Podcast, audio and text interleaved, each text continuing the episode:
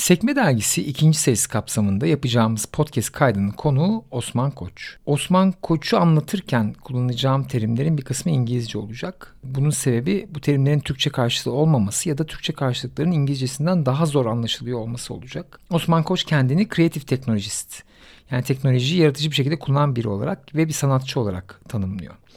E, yaratıcı kodlama yapan, physical computing dediğimiz fiziksel ortamda bilgisayar yapılmış çeşitli deneyim tasarımları içeren işler yapıyor. Ee, Osman Koç'un yaptığı işler bilim, sanat ve teknoloji arasında genelde görsel ve işitler performanslar, etkileşimli performanslar, kullanıcının deneyimini öne alan interaktif işler. Osman Koç bir üretim olan İskele kurucularından Maker Fair İstanbul'un ilk e, organizasyon ekibinden. Aynı zamanda Osman Koç ve Nohlab'ın beraber çalışması olan görselleştirme yazılımının ekibinden. Epitom Mimarlık ekibinin bir üyesi. Osman Koç'un yaptığı birçok iş dünya çapında işte Exploratorium, Grey Area, Ars Electronica, Sinyal Festivali ve Today's Art Festivali gibi birçok festivalde sergilenmiştir. Hoş geldin Osman.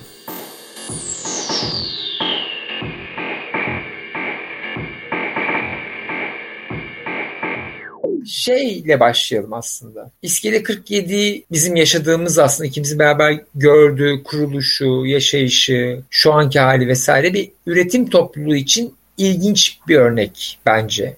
Türkiye'de zaten az olan bir örnek. Yurt dışında da çok fazla olan bir örnek değil. Var ama o kadar fazla değil. Dolayısıyla nasıl bir şeydi senin için? Yani başta nasıldı? Kurulmadan öncesi, kuruluşu, sonrası Nasıl bir topluluk his? Yani üret çünkü mesela sınıfta bir topluluk, ailede bir topluluk ya. Aha. Üretme topluluğu nedir sence aslında? Onu merak ediyorum. Aslında yani İskele 47 bence süreç içinde bir üretme topluluğuna evrildi.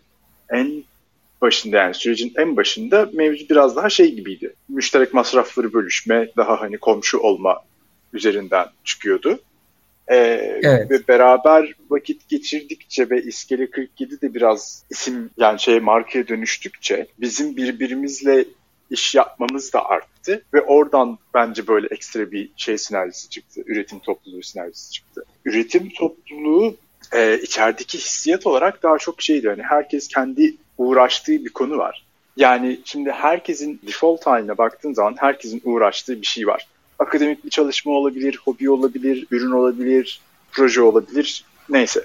Ama böyle kendi kendine bir şeyler üstüne uğraşan insanları yan yana koyduğun zaman hem bir taraftan birbirinin yaptığını tabii merak ediyorsun ama öte taraftan kendi yaptığın şeyi de devam ettiriyorsun. Oradan oluşan böyle bir bence güzel bir sinerjimiz vardı. Tamam peki mesela bir şirket de bir üretim topluluğu ya ya da işte ortak marka altında birleşen her şey yani bir sanatçı atölyesi de üretim topçu. 20 kişi beraber bir şey üretiyor. Bundan farkı ne? Herkesin ayrı olması bence buradaki temel fark. Yani İskele 47'nin tek bir gittiği yön veya tek bir komutanı yoktu. Yani İskele 47'nin zaten tekil bir hem yönelimi hem yönetimi de yoktu. Dolayısıyla içerideki yani, herkes kendi istediği yeri çekebiliyordu. Adı olması bazen öyle bir algı yaratır ya aslında o yüzden sordum. O zaman şunu sorayım çok mu alakasızdı içeridekiler o zaman? Herkes kafasına göre mi takılıyordu? Yani o şeyi e, aslında çıkart, kod söyletmek istiyorum sana. Yani çok bağımsız herkes ayrı üretiyor. Hep beraber bir şey üretiyoruzun arasında nerede? Ha yani aslında o arada hani o spektrumda gidip gelen bir yerdeydik. Yani İskele 47'nin tekil bir isminin olması bazen ayağımıza da dolandı. Bazen yanlış beklenti de yarattı. Ama bazen işimize de geldi. Şimdi içeride baktığın zaman yani herkesin uğra nasıl diyeyim en azından araç gereçlerimiz benziyordu. Şimdi oradan Heh. başlayan bir zaten müştereklik var. Yani hepimizin kullandığı araçlar bu benzer yazılım teknolojileri olsun, benzer sensörler olsun veya benzer fiziksel imalat makineleri veya alet edevat olsun. Oradan başlayan bir müştereklik vardı. Onun üstüne e, bir de kavramsal olarak yaklaşıp uzaklaştığımız yerler oldu. O kavramsal hmm. kısımda bence biraz daha şey. Mesela e, Amber, Amber platformun aslında herkesin bir şekilde oraya değmiş olması e, ya da herkesin hibrit olması mesela hiç hiç tek işle uğraşan insan yoktu. Tek alanla, Tabii. tek domainle uğraşan hiç kimse yoktu. Aslında bu ilginç bir durum değil mi? Yani Amber bence İskele 47'nin şeyiydi. Nasıl derler? Primer yani Hmm. Amber'in Ön şartı gibi. İskele 47 tabii. Yani çünkü hepimiz önceden Amber üzerinden birbirimizi tanıyorduk. Bir de Amber kendi doğası gereği çok böyle şey ya dün Ebru ile konuşuyorduk onu. Deneme yanılmaya müsait bir ortam. Hı hı, Dolayısıyla hı. oradan gelen de böyle bir deneysellik ve hani e, yanlış yapmaktan korkmaman gibi bir durum vardı. Ama öte yandan hani şeylerin kullandığımız yani hepimiz projektör kullanıyoruz sonuçta. Evet. Hepimizin böyle belli başlı temel e, alet edevat anlamında gereksinimleri vardı. Evet bir kültürel yakınlık var. Bir malzeme alette biraz yakınlık var.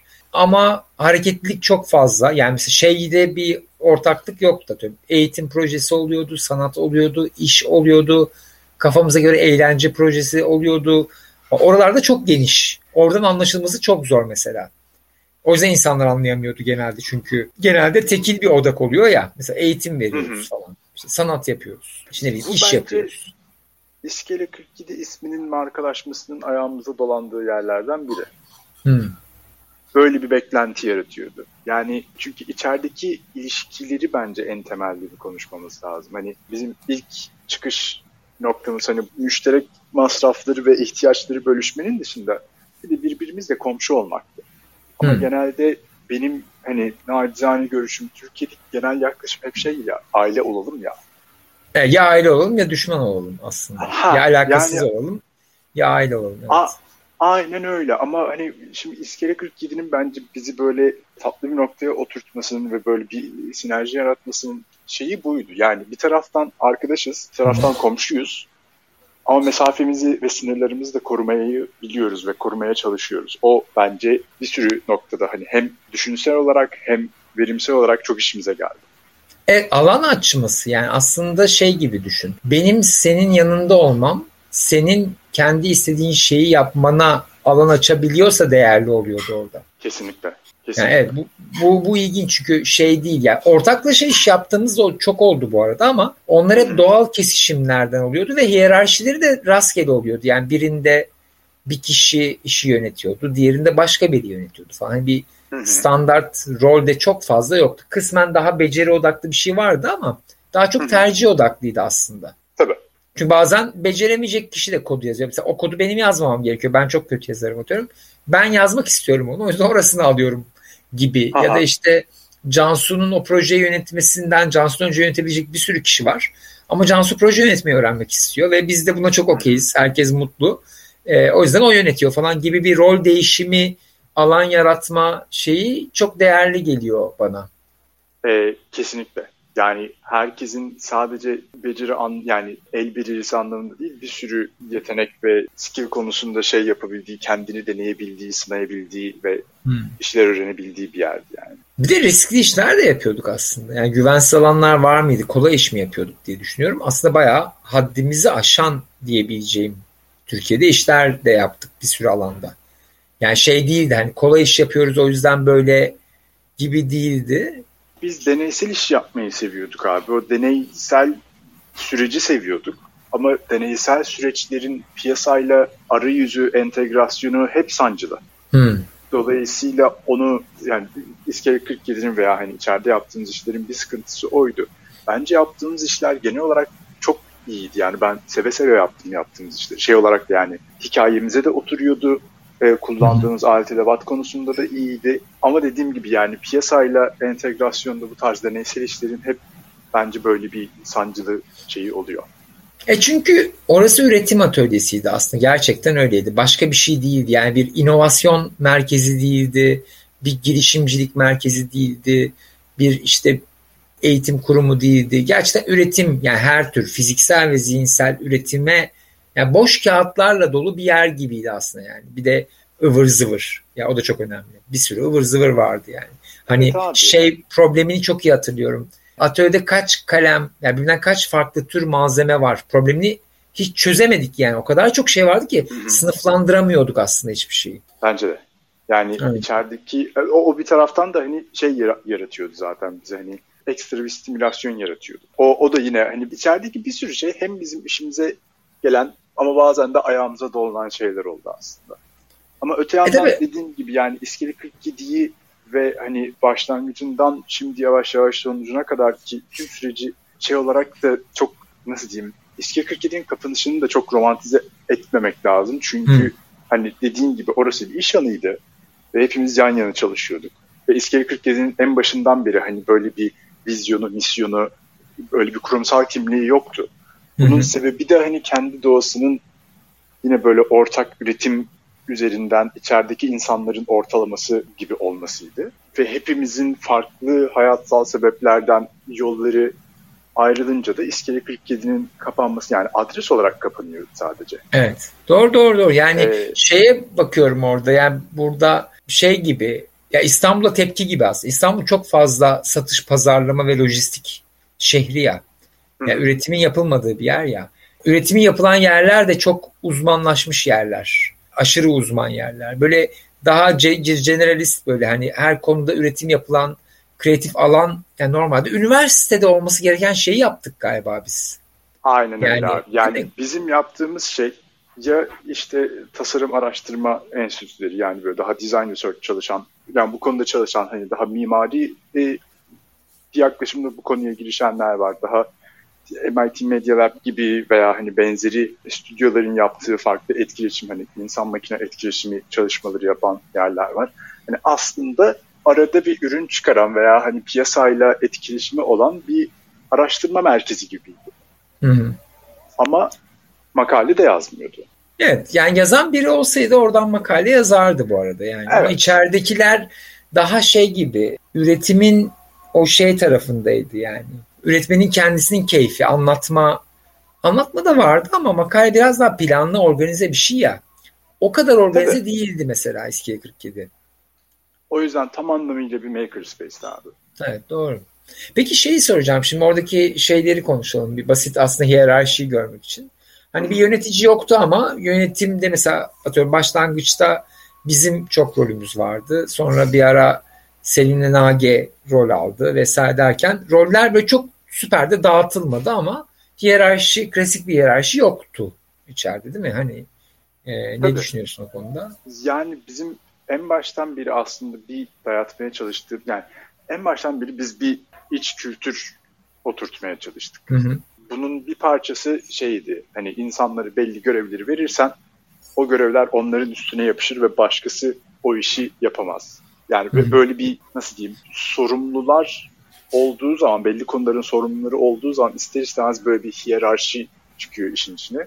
Onun yerine hepimiz mekanı sahiplenip onu daha iyiye götürme içgüdüsüyle yaklaşırsak böyle bir sisteme de ihtiyaç olmaz. Yani tuvalet kağıdı bittiği zaman hepimiz alabiliriz.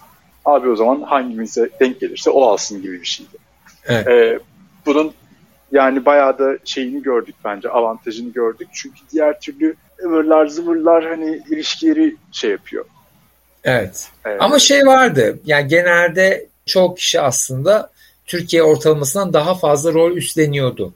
Yani bir de bize şey vardır ya genelde işin kimin yaptığı belli değilse kimse yapmaz. Evet. Hani o tip durumlarda kriz çıkartıp tartışıyorduk bunu yani. Hani olmuyorsa da bir formül bulalım. Ya da biri gelsin Aha. temizlesin ya da bilmem ne yapalım gibi. Ee, yani şey o ayağımıza takılanlar aslında bir nevi bize e, olasılıklar yaratan şeyler de oldu gibi geliyor. E, o üretim sırasındaki. Abi ee, en güzel özelliğimiz bence bunları rahat rahat konuşabiliyor olmamızdı.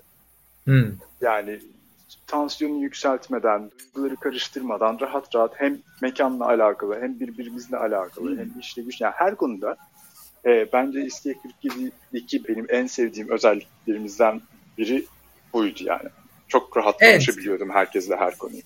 Bu iletişim şeyinde o örneği vereceğim. Yani bizim çok kullandığımız bir örnekti işte. Hani birisi içeride gürültü yapıyordur ve senin sessizliğe ihtiyacın vardır bağırırsın yani sessiz olabilir misin dersin. O da bakar duruma hayır olamıyorum der.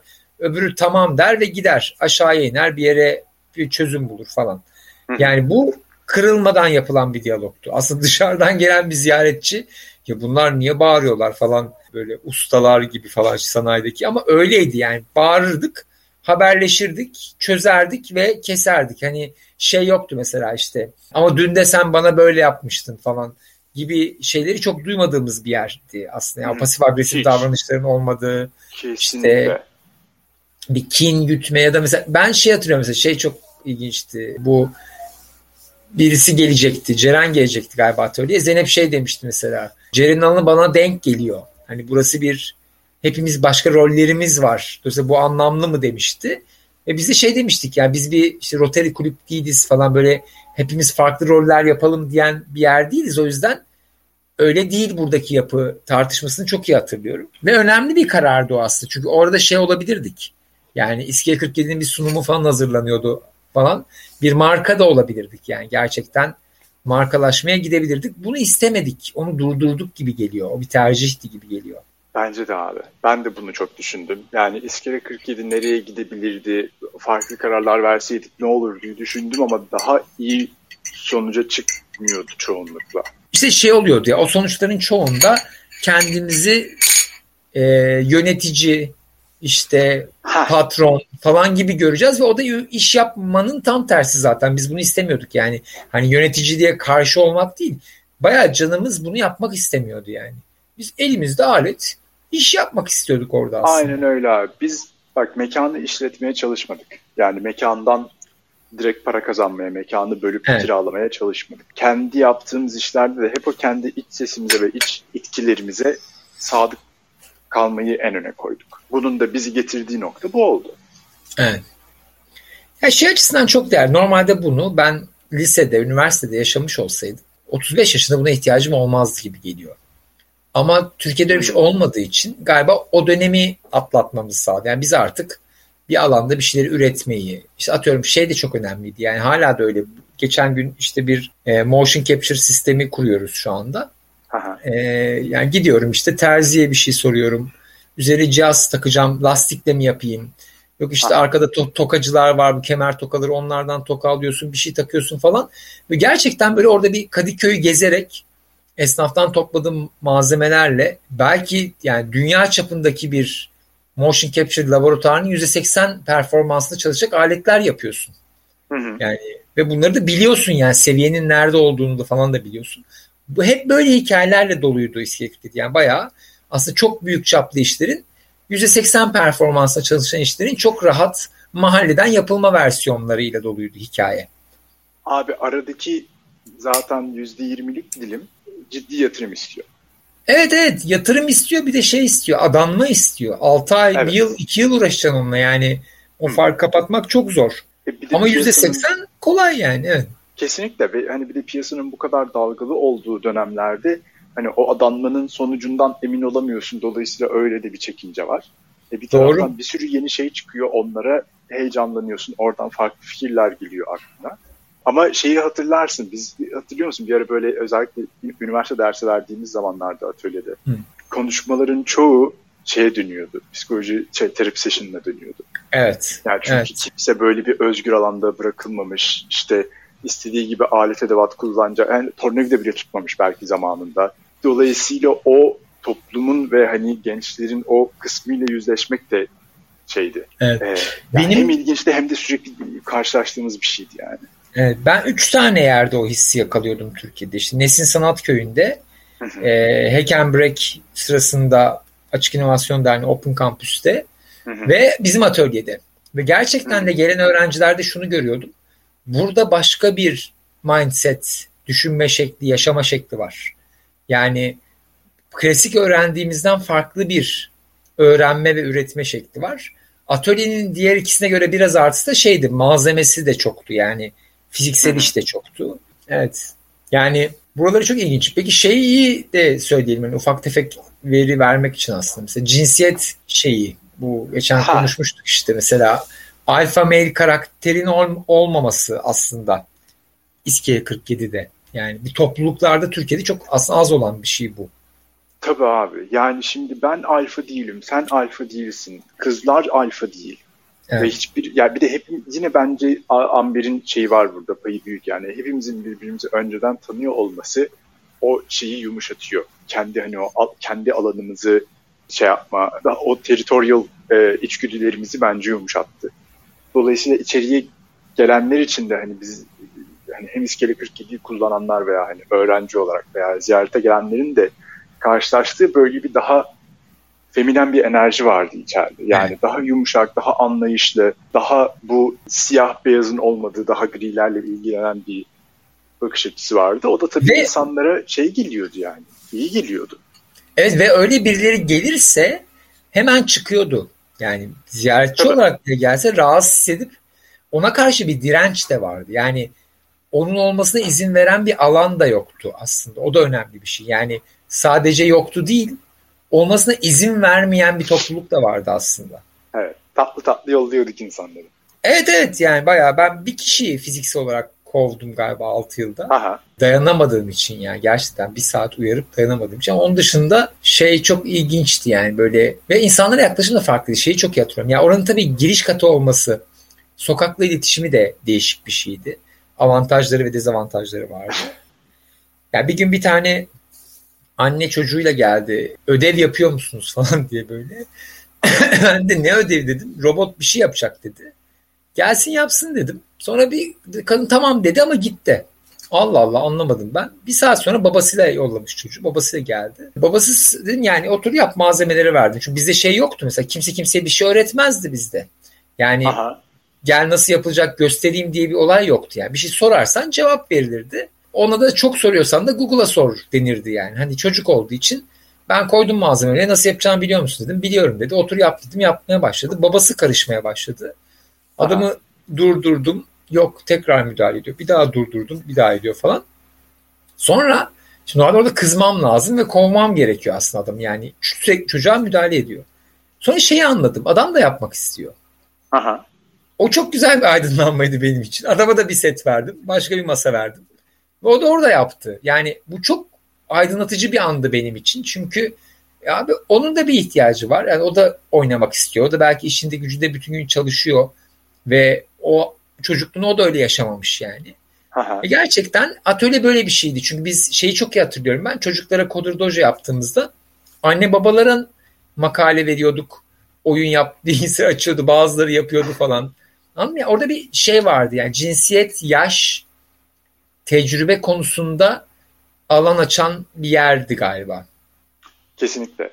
Ve hani kültür olarak da abi şimdi bir taraftan hepimiz kendi kendimize öğrenen bir yapıdayız. Ve içerisinin yapısı da hani yani self learner'lar için çok optimum bir yerdi.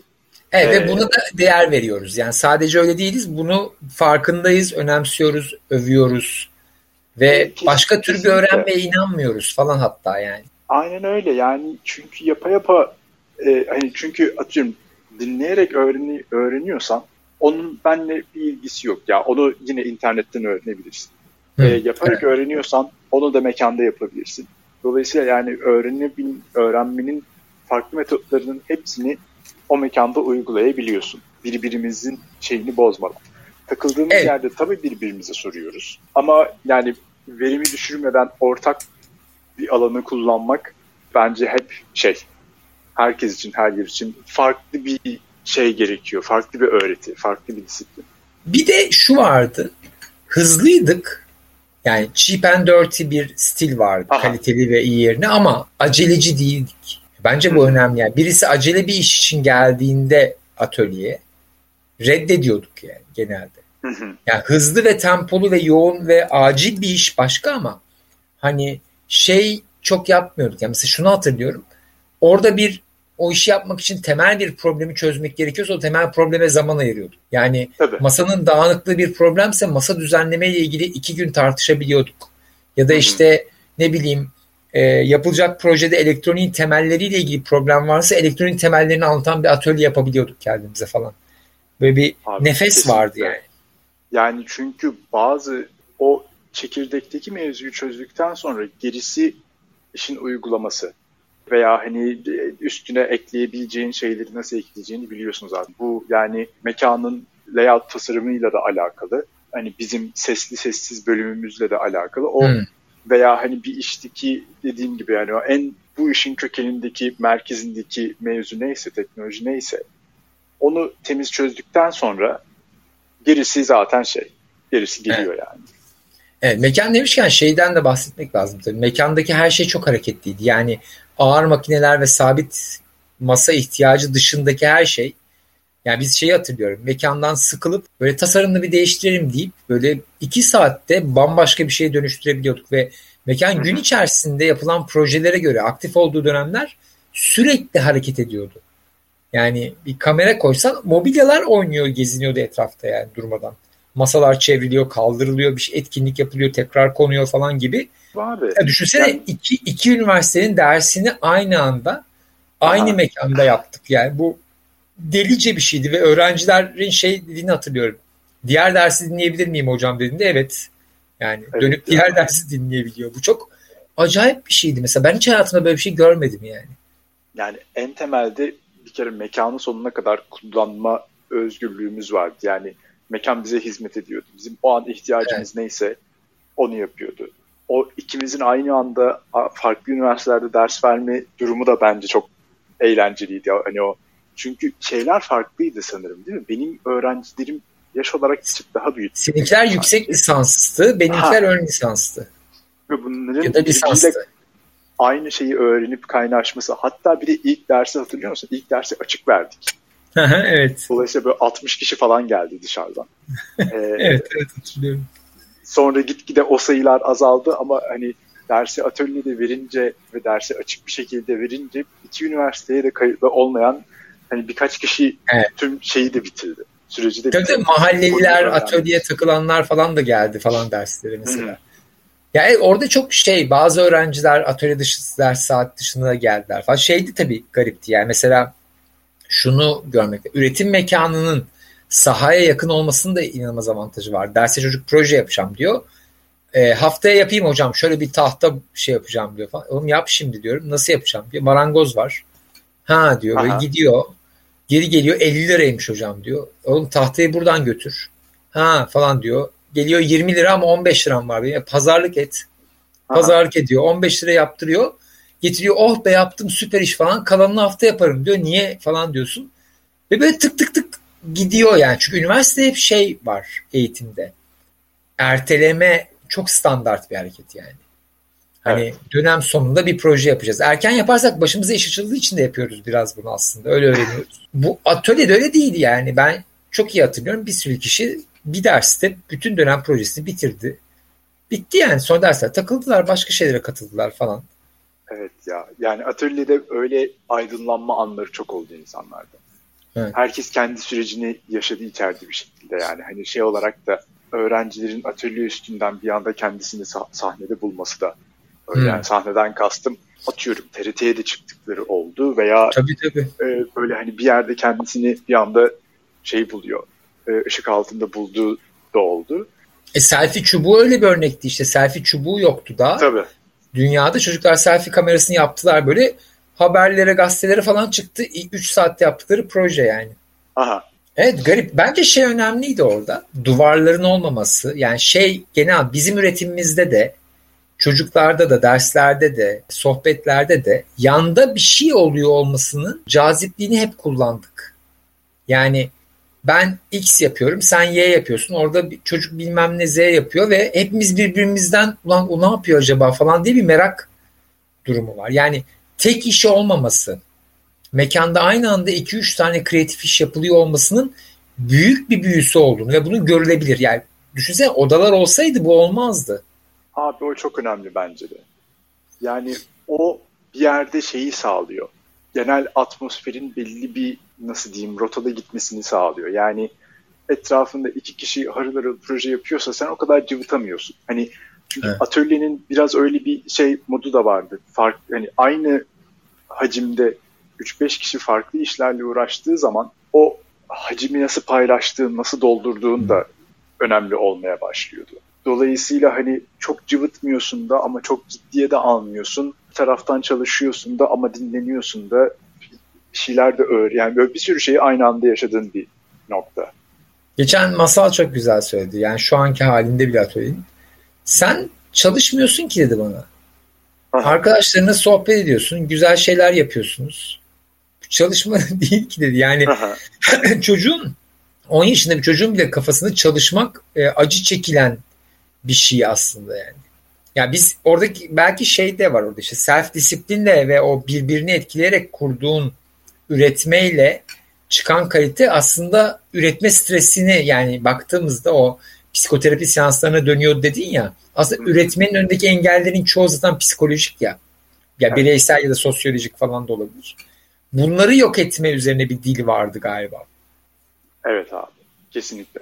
Yani üretmeyle aramızdaki sınırlar neyse onları teker teker hani en başta büyük gelebilir ama teker teker hepsini halledebiliyorsun yani şey olarak. Murat, Çözemediklerimiz de vardı. Yani tezgah derli toplu olmadı hiçbir zaman mesela. Ya da profesyonel tezgahla amatör tezgah birbirine karışıp karışıp durdun mesela. Bu tip sorunları bence, çözemedik. Bence orada işte şey vardı yani bazı şeyleri bizim bireysel olarak daha üstlenmemiz gerekiyordu. Hı. Sorumlulukları. Ve o sorumluluk ama o bir taraftan da yarattığımız narratife ters düşüyordu. Ama içeriye gelen herkesin ve içeriği kullanan herkesin o nasıl diyeyim ya bizim böyle bir iskeli 47'yi kullanma oryantasyon programı gibi bir şey hazırlamamız lazımdı. Hı. En başta abi bunları yaptığın zaman çalışıyor burası, bunları yapmadığında çalışmıyor gibi bir şey. Yanlış hatırlamıyorsam zaten hani haftada bir şeyimiz oluyordu. Birbirimizle çekinimiz oluyordu. Hani abi nasılız, her şey yolunda mı falan filan. Onların yani daha iyi yapabildiğimiz şeyler olacaktı muhtemelen. Ama yine de bayağı bir şeyimiz oldu. Ya şey düşünüyorum ya bir üniversite kuracak olsak aslında oradaki deneyimden kurabiliriz onu ya. Onu artık biliyoruz mesela. Ya ben bir üretim alanı yaratmanın ne olduğunu e, yani şey için gördüğümüz bir şey de değil gerçekten de çok. Önce amaç belirleniyor. Aha. Sonra alan tasarlanıyor. Sonra insanlar dolduruluyor ve insanlar ulan o amacın ne olduğunu bilmiyor ya. E, kopuk oluyor yani. O, onun gerçek organik geçişini görmüş olduk. Çünkü ben şeyi hayal edebiliyorum yani dünya çapındaki iyi kültürü oturmuş üretim kurumlarının böyle yerlerden başladıklarını e, hayal edebiliyorum. Yani oraya niye dönmedik? Belki o zaman ona ihtiyacımız yoktu da içimizde öyle biri yoktu. Ya bu çok iyi bir fikir bunu büyütebiliriz diyecek biri yoktu belki de içeride. Bilmiyorum. Orada bence niye oradaki tıkanma ne bilmiyorum yani. Bence öyle. Yani İskele 47'nin bence hep nasıl diyeyim süreç içerisinde devam eden sıkıntılarından biri piyasayla ve profesyonel hayatla etkileşim arayüzünü oturtmak, oturtamamaktı yani. Hmm. Çünkü bir taraftan bürokrasiden gına geldi bize. Ve evet. yani bir taraftan böyle kendi yapmak istediğin şeyleri bu kadar hızlı ilerletebiliyorken diğer taraftan hani o şey geçişi çok farklıydı. Bizim içeride yaşadığımız kişisel gidişatla profesyonel hayatın gidişatı çok farklı. Hmm. Orada dolayısıyla hani böyle yatırımcı geldiğinde de yani her zaman şey aramadık. İki taraf için de kazançlı bir senaryo aramadık. Evet. Genelde ittik aslında. Bütün fonları ve yatırımları reddeden bir yapı vardı. Tabii Orada. Çünkü ben yatırımcıya şey dediğimizi hatırlıyorum yani. Sen bize para vermene gerek yok. Oturması istediğin fikri çal. Çalıp da yani bir sana bir faydamız oluyorsa buraya bir destek olmuyorsa o senin öküzlüğündür önemli değil. Oturup çalabilirsin dediğimizi hatırlıyorum. Adam gitmişti yani. Aynen öyle abi. Hani şey de olmadı ki böyle bizim dediğimizi benzer hani bu kültürde yetişmiş bizim dediğimizi direkt anlayan bir yatırımcı da gelmedi ki. Evet doğru. Doğru. Galiba onunla ilgili aslında. Yani orada bir at yarışı oynamak isteyen bir yatırımcı profili olduğu için galiba o kadar sert ha. ve net bir şey oluyordu yani. Aynen öyle. Yani kaç fatura kestiğimi soruyordu adamlar. Evet, evet doğru. Başka bir şey var orada. Yani Türkiye'deki doğru. Aslında şey oluyor. Şu, şuna geliyor. E, şehrin ve ülkenin toksik sınırlarına dayanıyorsun aslında orada. Yani devam etmek mümkün belki ama belirli sınırlara dayanıyorsun aslında. Çünkü zaten çok kreatif şeylerin çıktığı bir atölye aslında baktığında. Ve orada duruyor bir yerde etkisi duruyor, büyümüyor. Yani belki de büyümesi gerekmiyor bilmiyorum da. Abi çok güzel işler de yaptık ve o işlerin de devamı gelmedi. Ve bunun bizle alakası yok. Yani çalıştığımız markalar da şey yapamıyordu. Rahat rahat bir, atıyorum bir senelik bütçe projeksiyonunu yapamıyordu. Veya hani bizle uzun soluklu ilişkiye girmek isteyen şeylerin de yapıların da önünde çok bir vizyon yoktu. Doğru. Ya aynı şey İngiltere ya da Amerika'da olsa farklı olur gibi geliyor. Bir onu düşünüyorum. Eh yani yerine bağlı abi. Şimdi en bence klasik senaryo en azından Amerika'da gördüğüm kadarıyla bu tarz yapıların şirketin içine stüdyo olarak alınması. Hmm. Yani atıyorum adına şey deyip işte fiziksel etkileşim tasarım stüdyosu deyip yani şey de bile benim burada çalıştığım müşterilerde bankanın bile böyle bir departmanı olabiliyor. Hani hmm. o tarz bir şeye girebilirdi. Ama onu Veya, zaten izin vermezdik ama öyle bir şey. Ha. Veya işte bir okul gibi bir yapının hani böyle uydu yeri olabilirdi. Şu anda hani biz, biz iskeleyi açtığımızda hiçbir okulun makerspace yoktu. Şu anda tüm üniversitelerin var. Evet ee, olabilir. Bu, bu en olabilecek senaryo bazı. Enstitüleşmesi falan gibi bir şey en olabilecek hı senaryo oydu galiba. Şeye gelmek istiyorum kafamda aslında bu ufak çapta kurduğun toplulukların büyük hı. çaptaki topluluklara biz çünkü şey demiştik hani kopyalarının oluşması gerekiyor. Büyümesi hı değil çoğalması gerekiyor dedik. Bu kısmen oldu. Büyümesi gerekiyor muydu sorusunu hala soruyor. Yani nasıl büyüyebilirdi? Üretim alanı nasıl büyü? Üretim alanı çünkü en zor büyüyecek şeylerden birisi aslında. Çünkü fiziksel bir şeyler var orada yani. Malzeme tabii, var. Tabii. Yani bizim büyümekten öte iskele 47 daha verimli olabilirdi. Hı hı. Neyi kullanıyoruz, neyi kullanmıyoruz gibi şeyleri daha yani fiziksel mekanı tekrar tekrar tasarlayıp tekrar tekrar ya belli bir e, şeye gelebilirdi. Ama onu da nasıl diyeyim o moment, iskele 47'yi oraya getirecek momentumu sağlayamadık. Ama bunu hmm. bir şey olarak demiyorum yani biz işte kişisel e, hatalarımızdan dolayı olmadı değil. Hani bu biraz daha iskele 47'nin çıkışı da bitişi de hı hı. bizle biraz İlgi alakalı. Değil. Anladım. Heh. Dönemsel bir şey var orada yani. Ya ama şeyi düşünüyorum yani çıkan şeyler sonuçta açık kültüre gidiyor. Birçok yaptığımız şeyi open source yayınladık. Birçok şeyi taklit etmesine insanların e, bırak izin vermeyi alan açtık aslında. Dolayısıyla böyle bir katkı var aslında. Öyle bir büyüme var. Ama onun dışında da belki şey olsaydı yani daha büyük anlamlı sahalarımız olsaydı ya yani bazı fabrikalarla ya da atıyorum tarlalarla falan başka topluluklarla böyle çalışan kooperatifler olsaydı bir sürü daha büyük bir know-how paylaşımı ve daha büyük yapılara dönüşme ihtimali vardı belki de. Yani öyle şeyler de olabilir ileride bu yapılarda. Kesinlikle. Bir de evet. bu yani en başta dediğim gibi hani İskele 47 bir iş anıydı ve hepimiz farklı hayatsal sebeplerden dolayı farklı yönlere doğru ilerledik ama bu hani kapanan şey sadece adres. Evet evet. Yani biz seninle hala iş yapmaya devam ediyoruz. Hala şeylerimiz devam ediyor, araştırmalarımız devam ediyor. Ee, senin Zeynep'le olan ilişkin hala devam ediyor. Yani bir sürü şey var. Bu, bu durumu da o yüzden öyle dramatize etmek de istemiyorum. Anladım. Yani şeyi düşünüyorum. Bence fiziksel karşılaşmaların yarattığı ihtimallere hala ihtiyaç var. Yani aslında çok. o hala çok değerli. O yüzden bir şey eksiliyor gibi geliyor yani kapandığı zaman. Onu görüyorum. Yani mesela ben senle tamam biz senle düzenli iletişim kurmak için bahaneler uydurmak zorundayız artık. Bunu disipline etmek zorundayız. Uzak olduğumuz için. Başka türlü ister istemez yani uzaklaşıyorsun ve şeylerin azalıyor. Yani çünkü atölyede rastgele karşılaşmaların çok ya. Bir sürü fikirle, insanla, projeyle. Böyle bir fizikselliğe ihtiyaç var hala. Yani pandemi döneminde birçok kişi eve kapandı ve bazı problemleri çok iyi çözdüler ama bazıları da çözülemiyor oluyor orada. Yani karşılaşma şey yok. Türkiye'de yani üniversite, iş yeri dışı üçüncü mekan olarak aslında diyeyim. Karşılaşabildiğin çok alan yok. Bunu, Buna çok ihtiyaç var. Yani bunu bence çözmenin birkaç yolu var ama hepsi şey istiyor.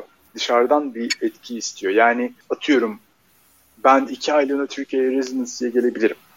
Ama Hı-hı. bu residency'yi kim karşılayacak? Evet. Veya işte hani workshop vermeye gelebiliriz. Ama bu workshop'ı kime verir? Yani gibi bir, bir şey lazım. Çünkü biz bir taraftan da İskele 47 sürecinde yaptığımız bir sürü şeyi cebimizden yaptık. Tabii. Yani bizim Hatta yaşadığımız... bütün malzemeleri bile yaptığımız işlerden aldık mesela yani. Tabii tabii. Bütün... Yani bizim yaşadığımız sıkıntılardan biri de hakikaten finansal sıkıntılardı. Çünkü yaptığımız işlerin nasıl diyeyim ben bunu birkaç hani hem kişisel olarak tanıdığım hem de iş yaptığım e, arkadaşıma direkt yüzlerine söyledim yani. Beni İskele 47 ve beni direkt şey olarak tedarikçi olarak görüyorsanız bu ilişki ilerlemeyecek. Yani hmm. sen benden fiyat kırmamı istiyorsan benden fiyat kırmıyorsun. Sen İskele 47'den fiyat kırıyorsun ve o fiyat hani benim cebime giden fiyat değil bu mekanı, bu kültürü devam ettirmemizi sağlayan bir şey. Doğru. Çok doğru. Yani şeyle ilgili oluyor işte. Herkes bir şey sömürmeye odaklı olduğu bir yapıda böyle yapıların yaşaması daha zor oluyor. Aynen öyle abi. Evet. O yüzden daha çok kooperatif olunca belki olabilir. Dediğim oydu aslında anladın mı? Hani hı hı. bir sürü kooperatif dernek yapılar, sosyal yapılar arttıkça bunların birbiriyle ilişkisi de arttıkça daha büyük toplulukların oluşması böyle deneyimlerle olacak aslında galiba. Yani bu da bir ülkede 40-50 yıla belki denk gelen bir şey. Yani uzun vadede bunlar oluşabilir. Bir ekosistem oluşturuyorsun aslında. Benim için bayağı tamamlandı yani süre de iyi gitti. Ee, senin var mı içinde eklemek istediğin? Yani İskele 47 güzel bir deneydi. Güzel bir deneyimdi. Sosyal anlamda ilişkilerimizi hani hem samimi olma hem sınırlarımızı kendi kişiliğimizi koruma konusunda çok bence iyi bir yer oturttuk. Ortak mekan kullanım ve böyle bir yerde verimli çalışma konusunda bence hepimiz iyi deneyimler kazandık. Hı hı. İçerideki iletişim hakikaten hani o şiddetsiz iletişim şeyine çok uyuyordu. Evet. Birisi yani bence SK47'nin en böyle zayıf olduğu noktalardan biri business'tı. Hani evet. business development çok bilmiyorduk. Bir Ama de sustainability'sini şeye bırakmıştık, oluruna. Yani Biraz başta öyle. şey evet. yoktu. Çünkü ne yapacağımızı da bilmiyorduk ki zaten yani. Aha. Şu an daha sustainable bir yapıyı daha kolay kurabiliriz mesela bir yandan. Aslında fena kurmamışız yani. Çok ucuza çözmüşüz bir sürü şeyi. Ama daha da kurulabilirmiş yani aslında. Yani atıyorum mekan kirası olmasa zaten bitmiyormuş mesela. Çok basit bir yatırımla tabii, tabii, tabii. bütün her şey değişiyormuş. Ama zaten şu anda uzaktan malzemeye erişim yeteneği çok arttı. Şeyin Aha. etkisi çok düşüyor artık. Karaköy'e yakın olma kavramı dünyada bitiyor gibi yani neredeyse. Ee, sen Amerika'da hissetmiyor olabilirsin bile artık bilmiyorum. Abi o Türkiye'de gümrükle alakalı. Evet yani şimdi gümrük dışında bir şey yani yok Türkiye'de şimdi içeride satış çok arttı ya online Aha. pandemiden dolayı.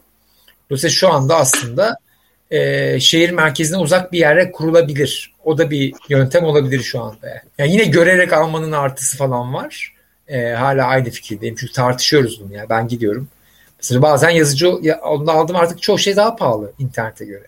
Tabii. Ama bir şeyler deneyebiliyorum, sorabiliyorum falan filan. Keşfediyorsun. Ee, Adam böyle alakasız bir şey getirmiş oluyor tabii.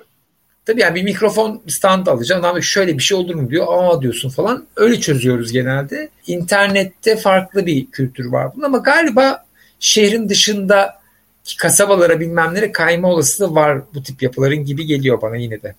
Çok güzel olur. Bence de hani hem lazım çünkü bir taraftan iskele 47'yi hani en başta yaratan şey o içerideki kültür ve verimlilikken bir yerde orta soluğunda da hani şey yaptığı, sıkıştığı noktalardan biri yani kapının sürekli açık olmasıydı. Dolayısıyla Tabii. şehirden bir çıt uzak olma o anlamda şey de olabilir. Avantajı da olabilir.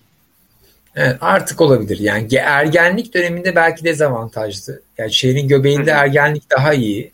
E, ama biraz olgunlaşma devresinde yani kalfalığa ya da ustalığa geçme devrinde evet. izole olmak daha mantıklı olabilir. Bu aklıma yattı. Yani çok, çok kolay erişimli olmasın. Böyle gelmek isteyen bir çaba göstermek zorunda kalsın. Bence hakikaten. Ama ama orada da çok yalnız olmayalım yani. Yine çeşitlik olabilsin bir şekilde de yani. Tabii. Anlatabildim mi? O çünkü çok yalnız olma ihtimalim var ya uzak olduğunda yani. Tabii, yani adada açsak böyle bir şeyi gelemeyecek evet. insanlar falan filan. Okey. Çok sağ ol abi. Çok güzel. Teşekkür ederim. Eyvallah abi. Fugamundi sundu.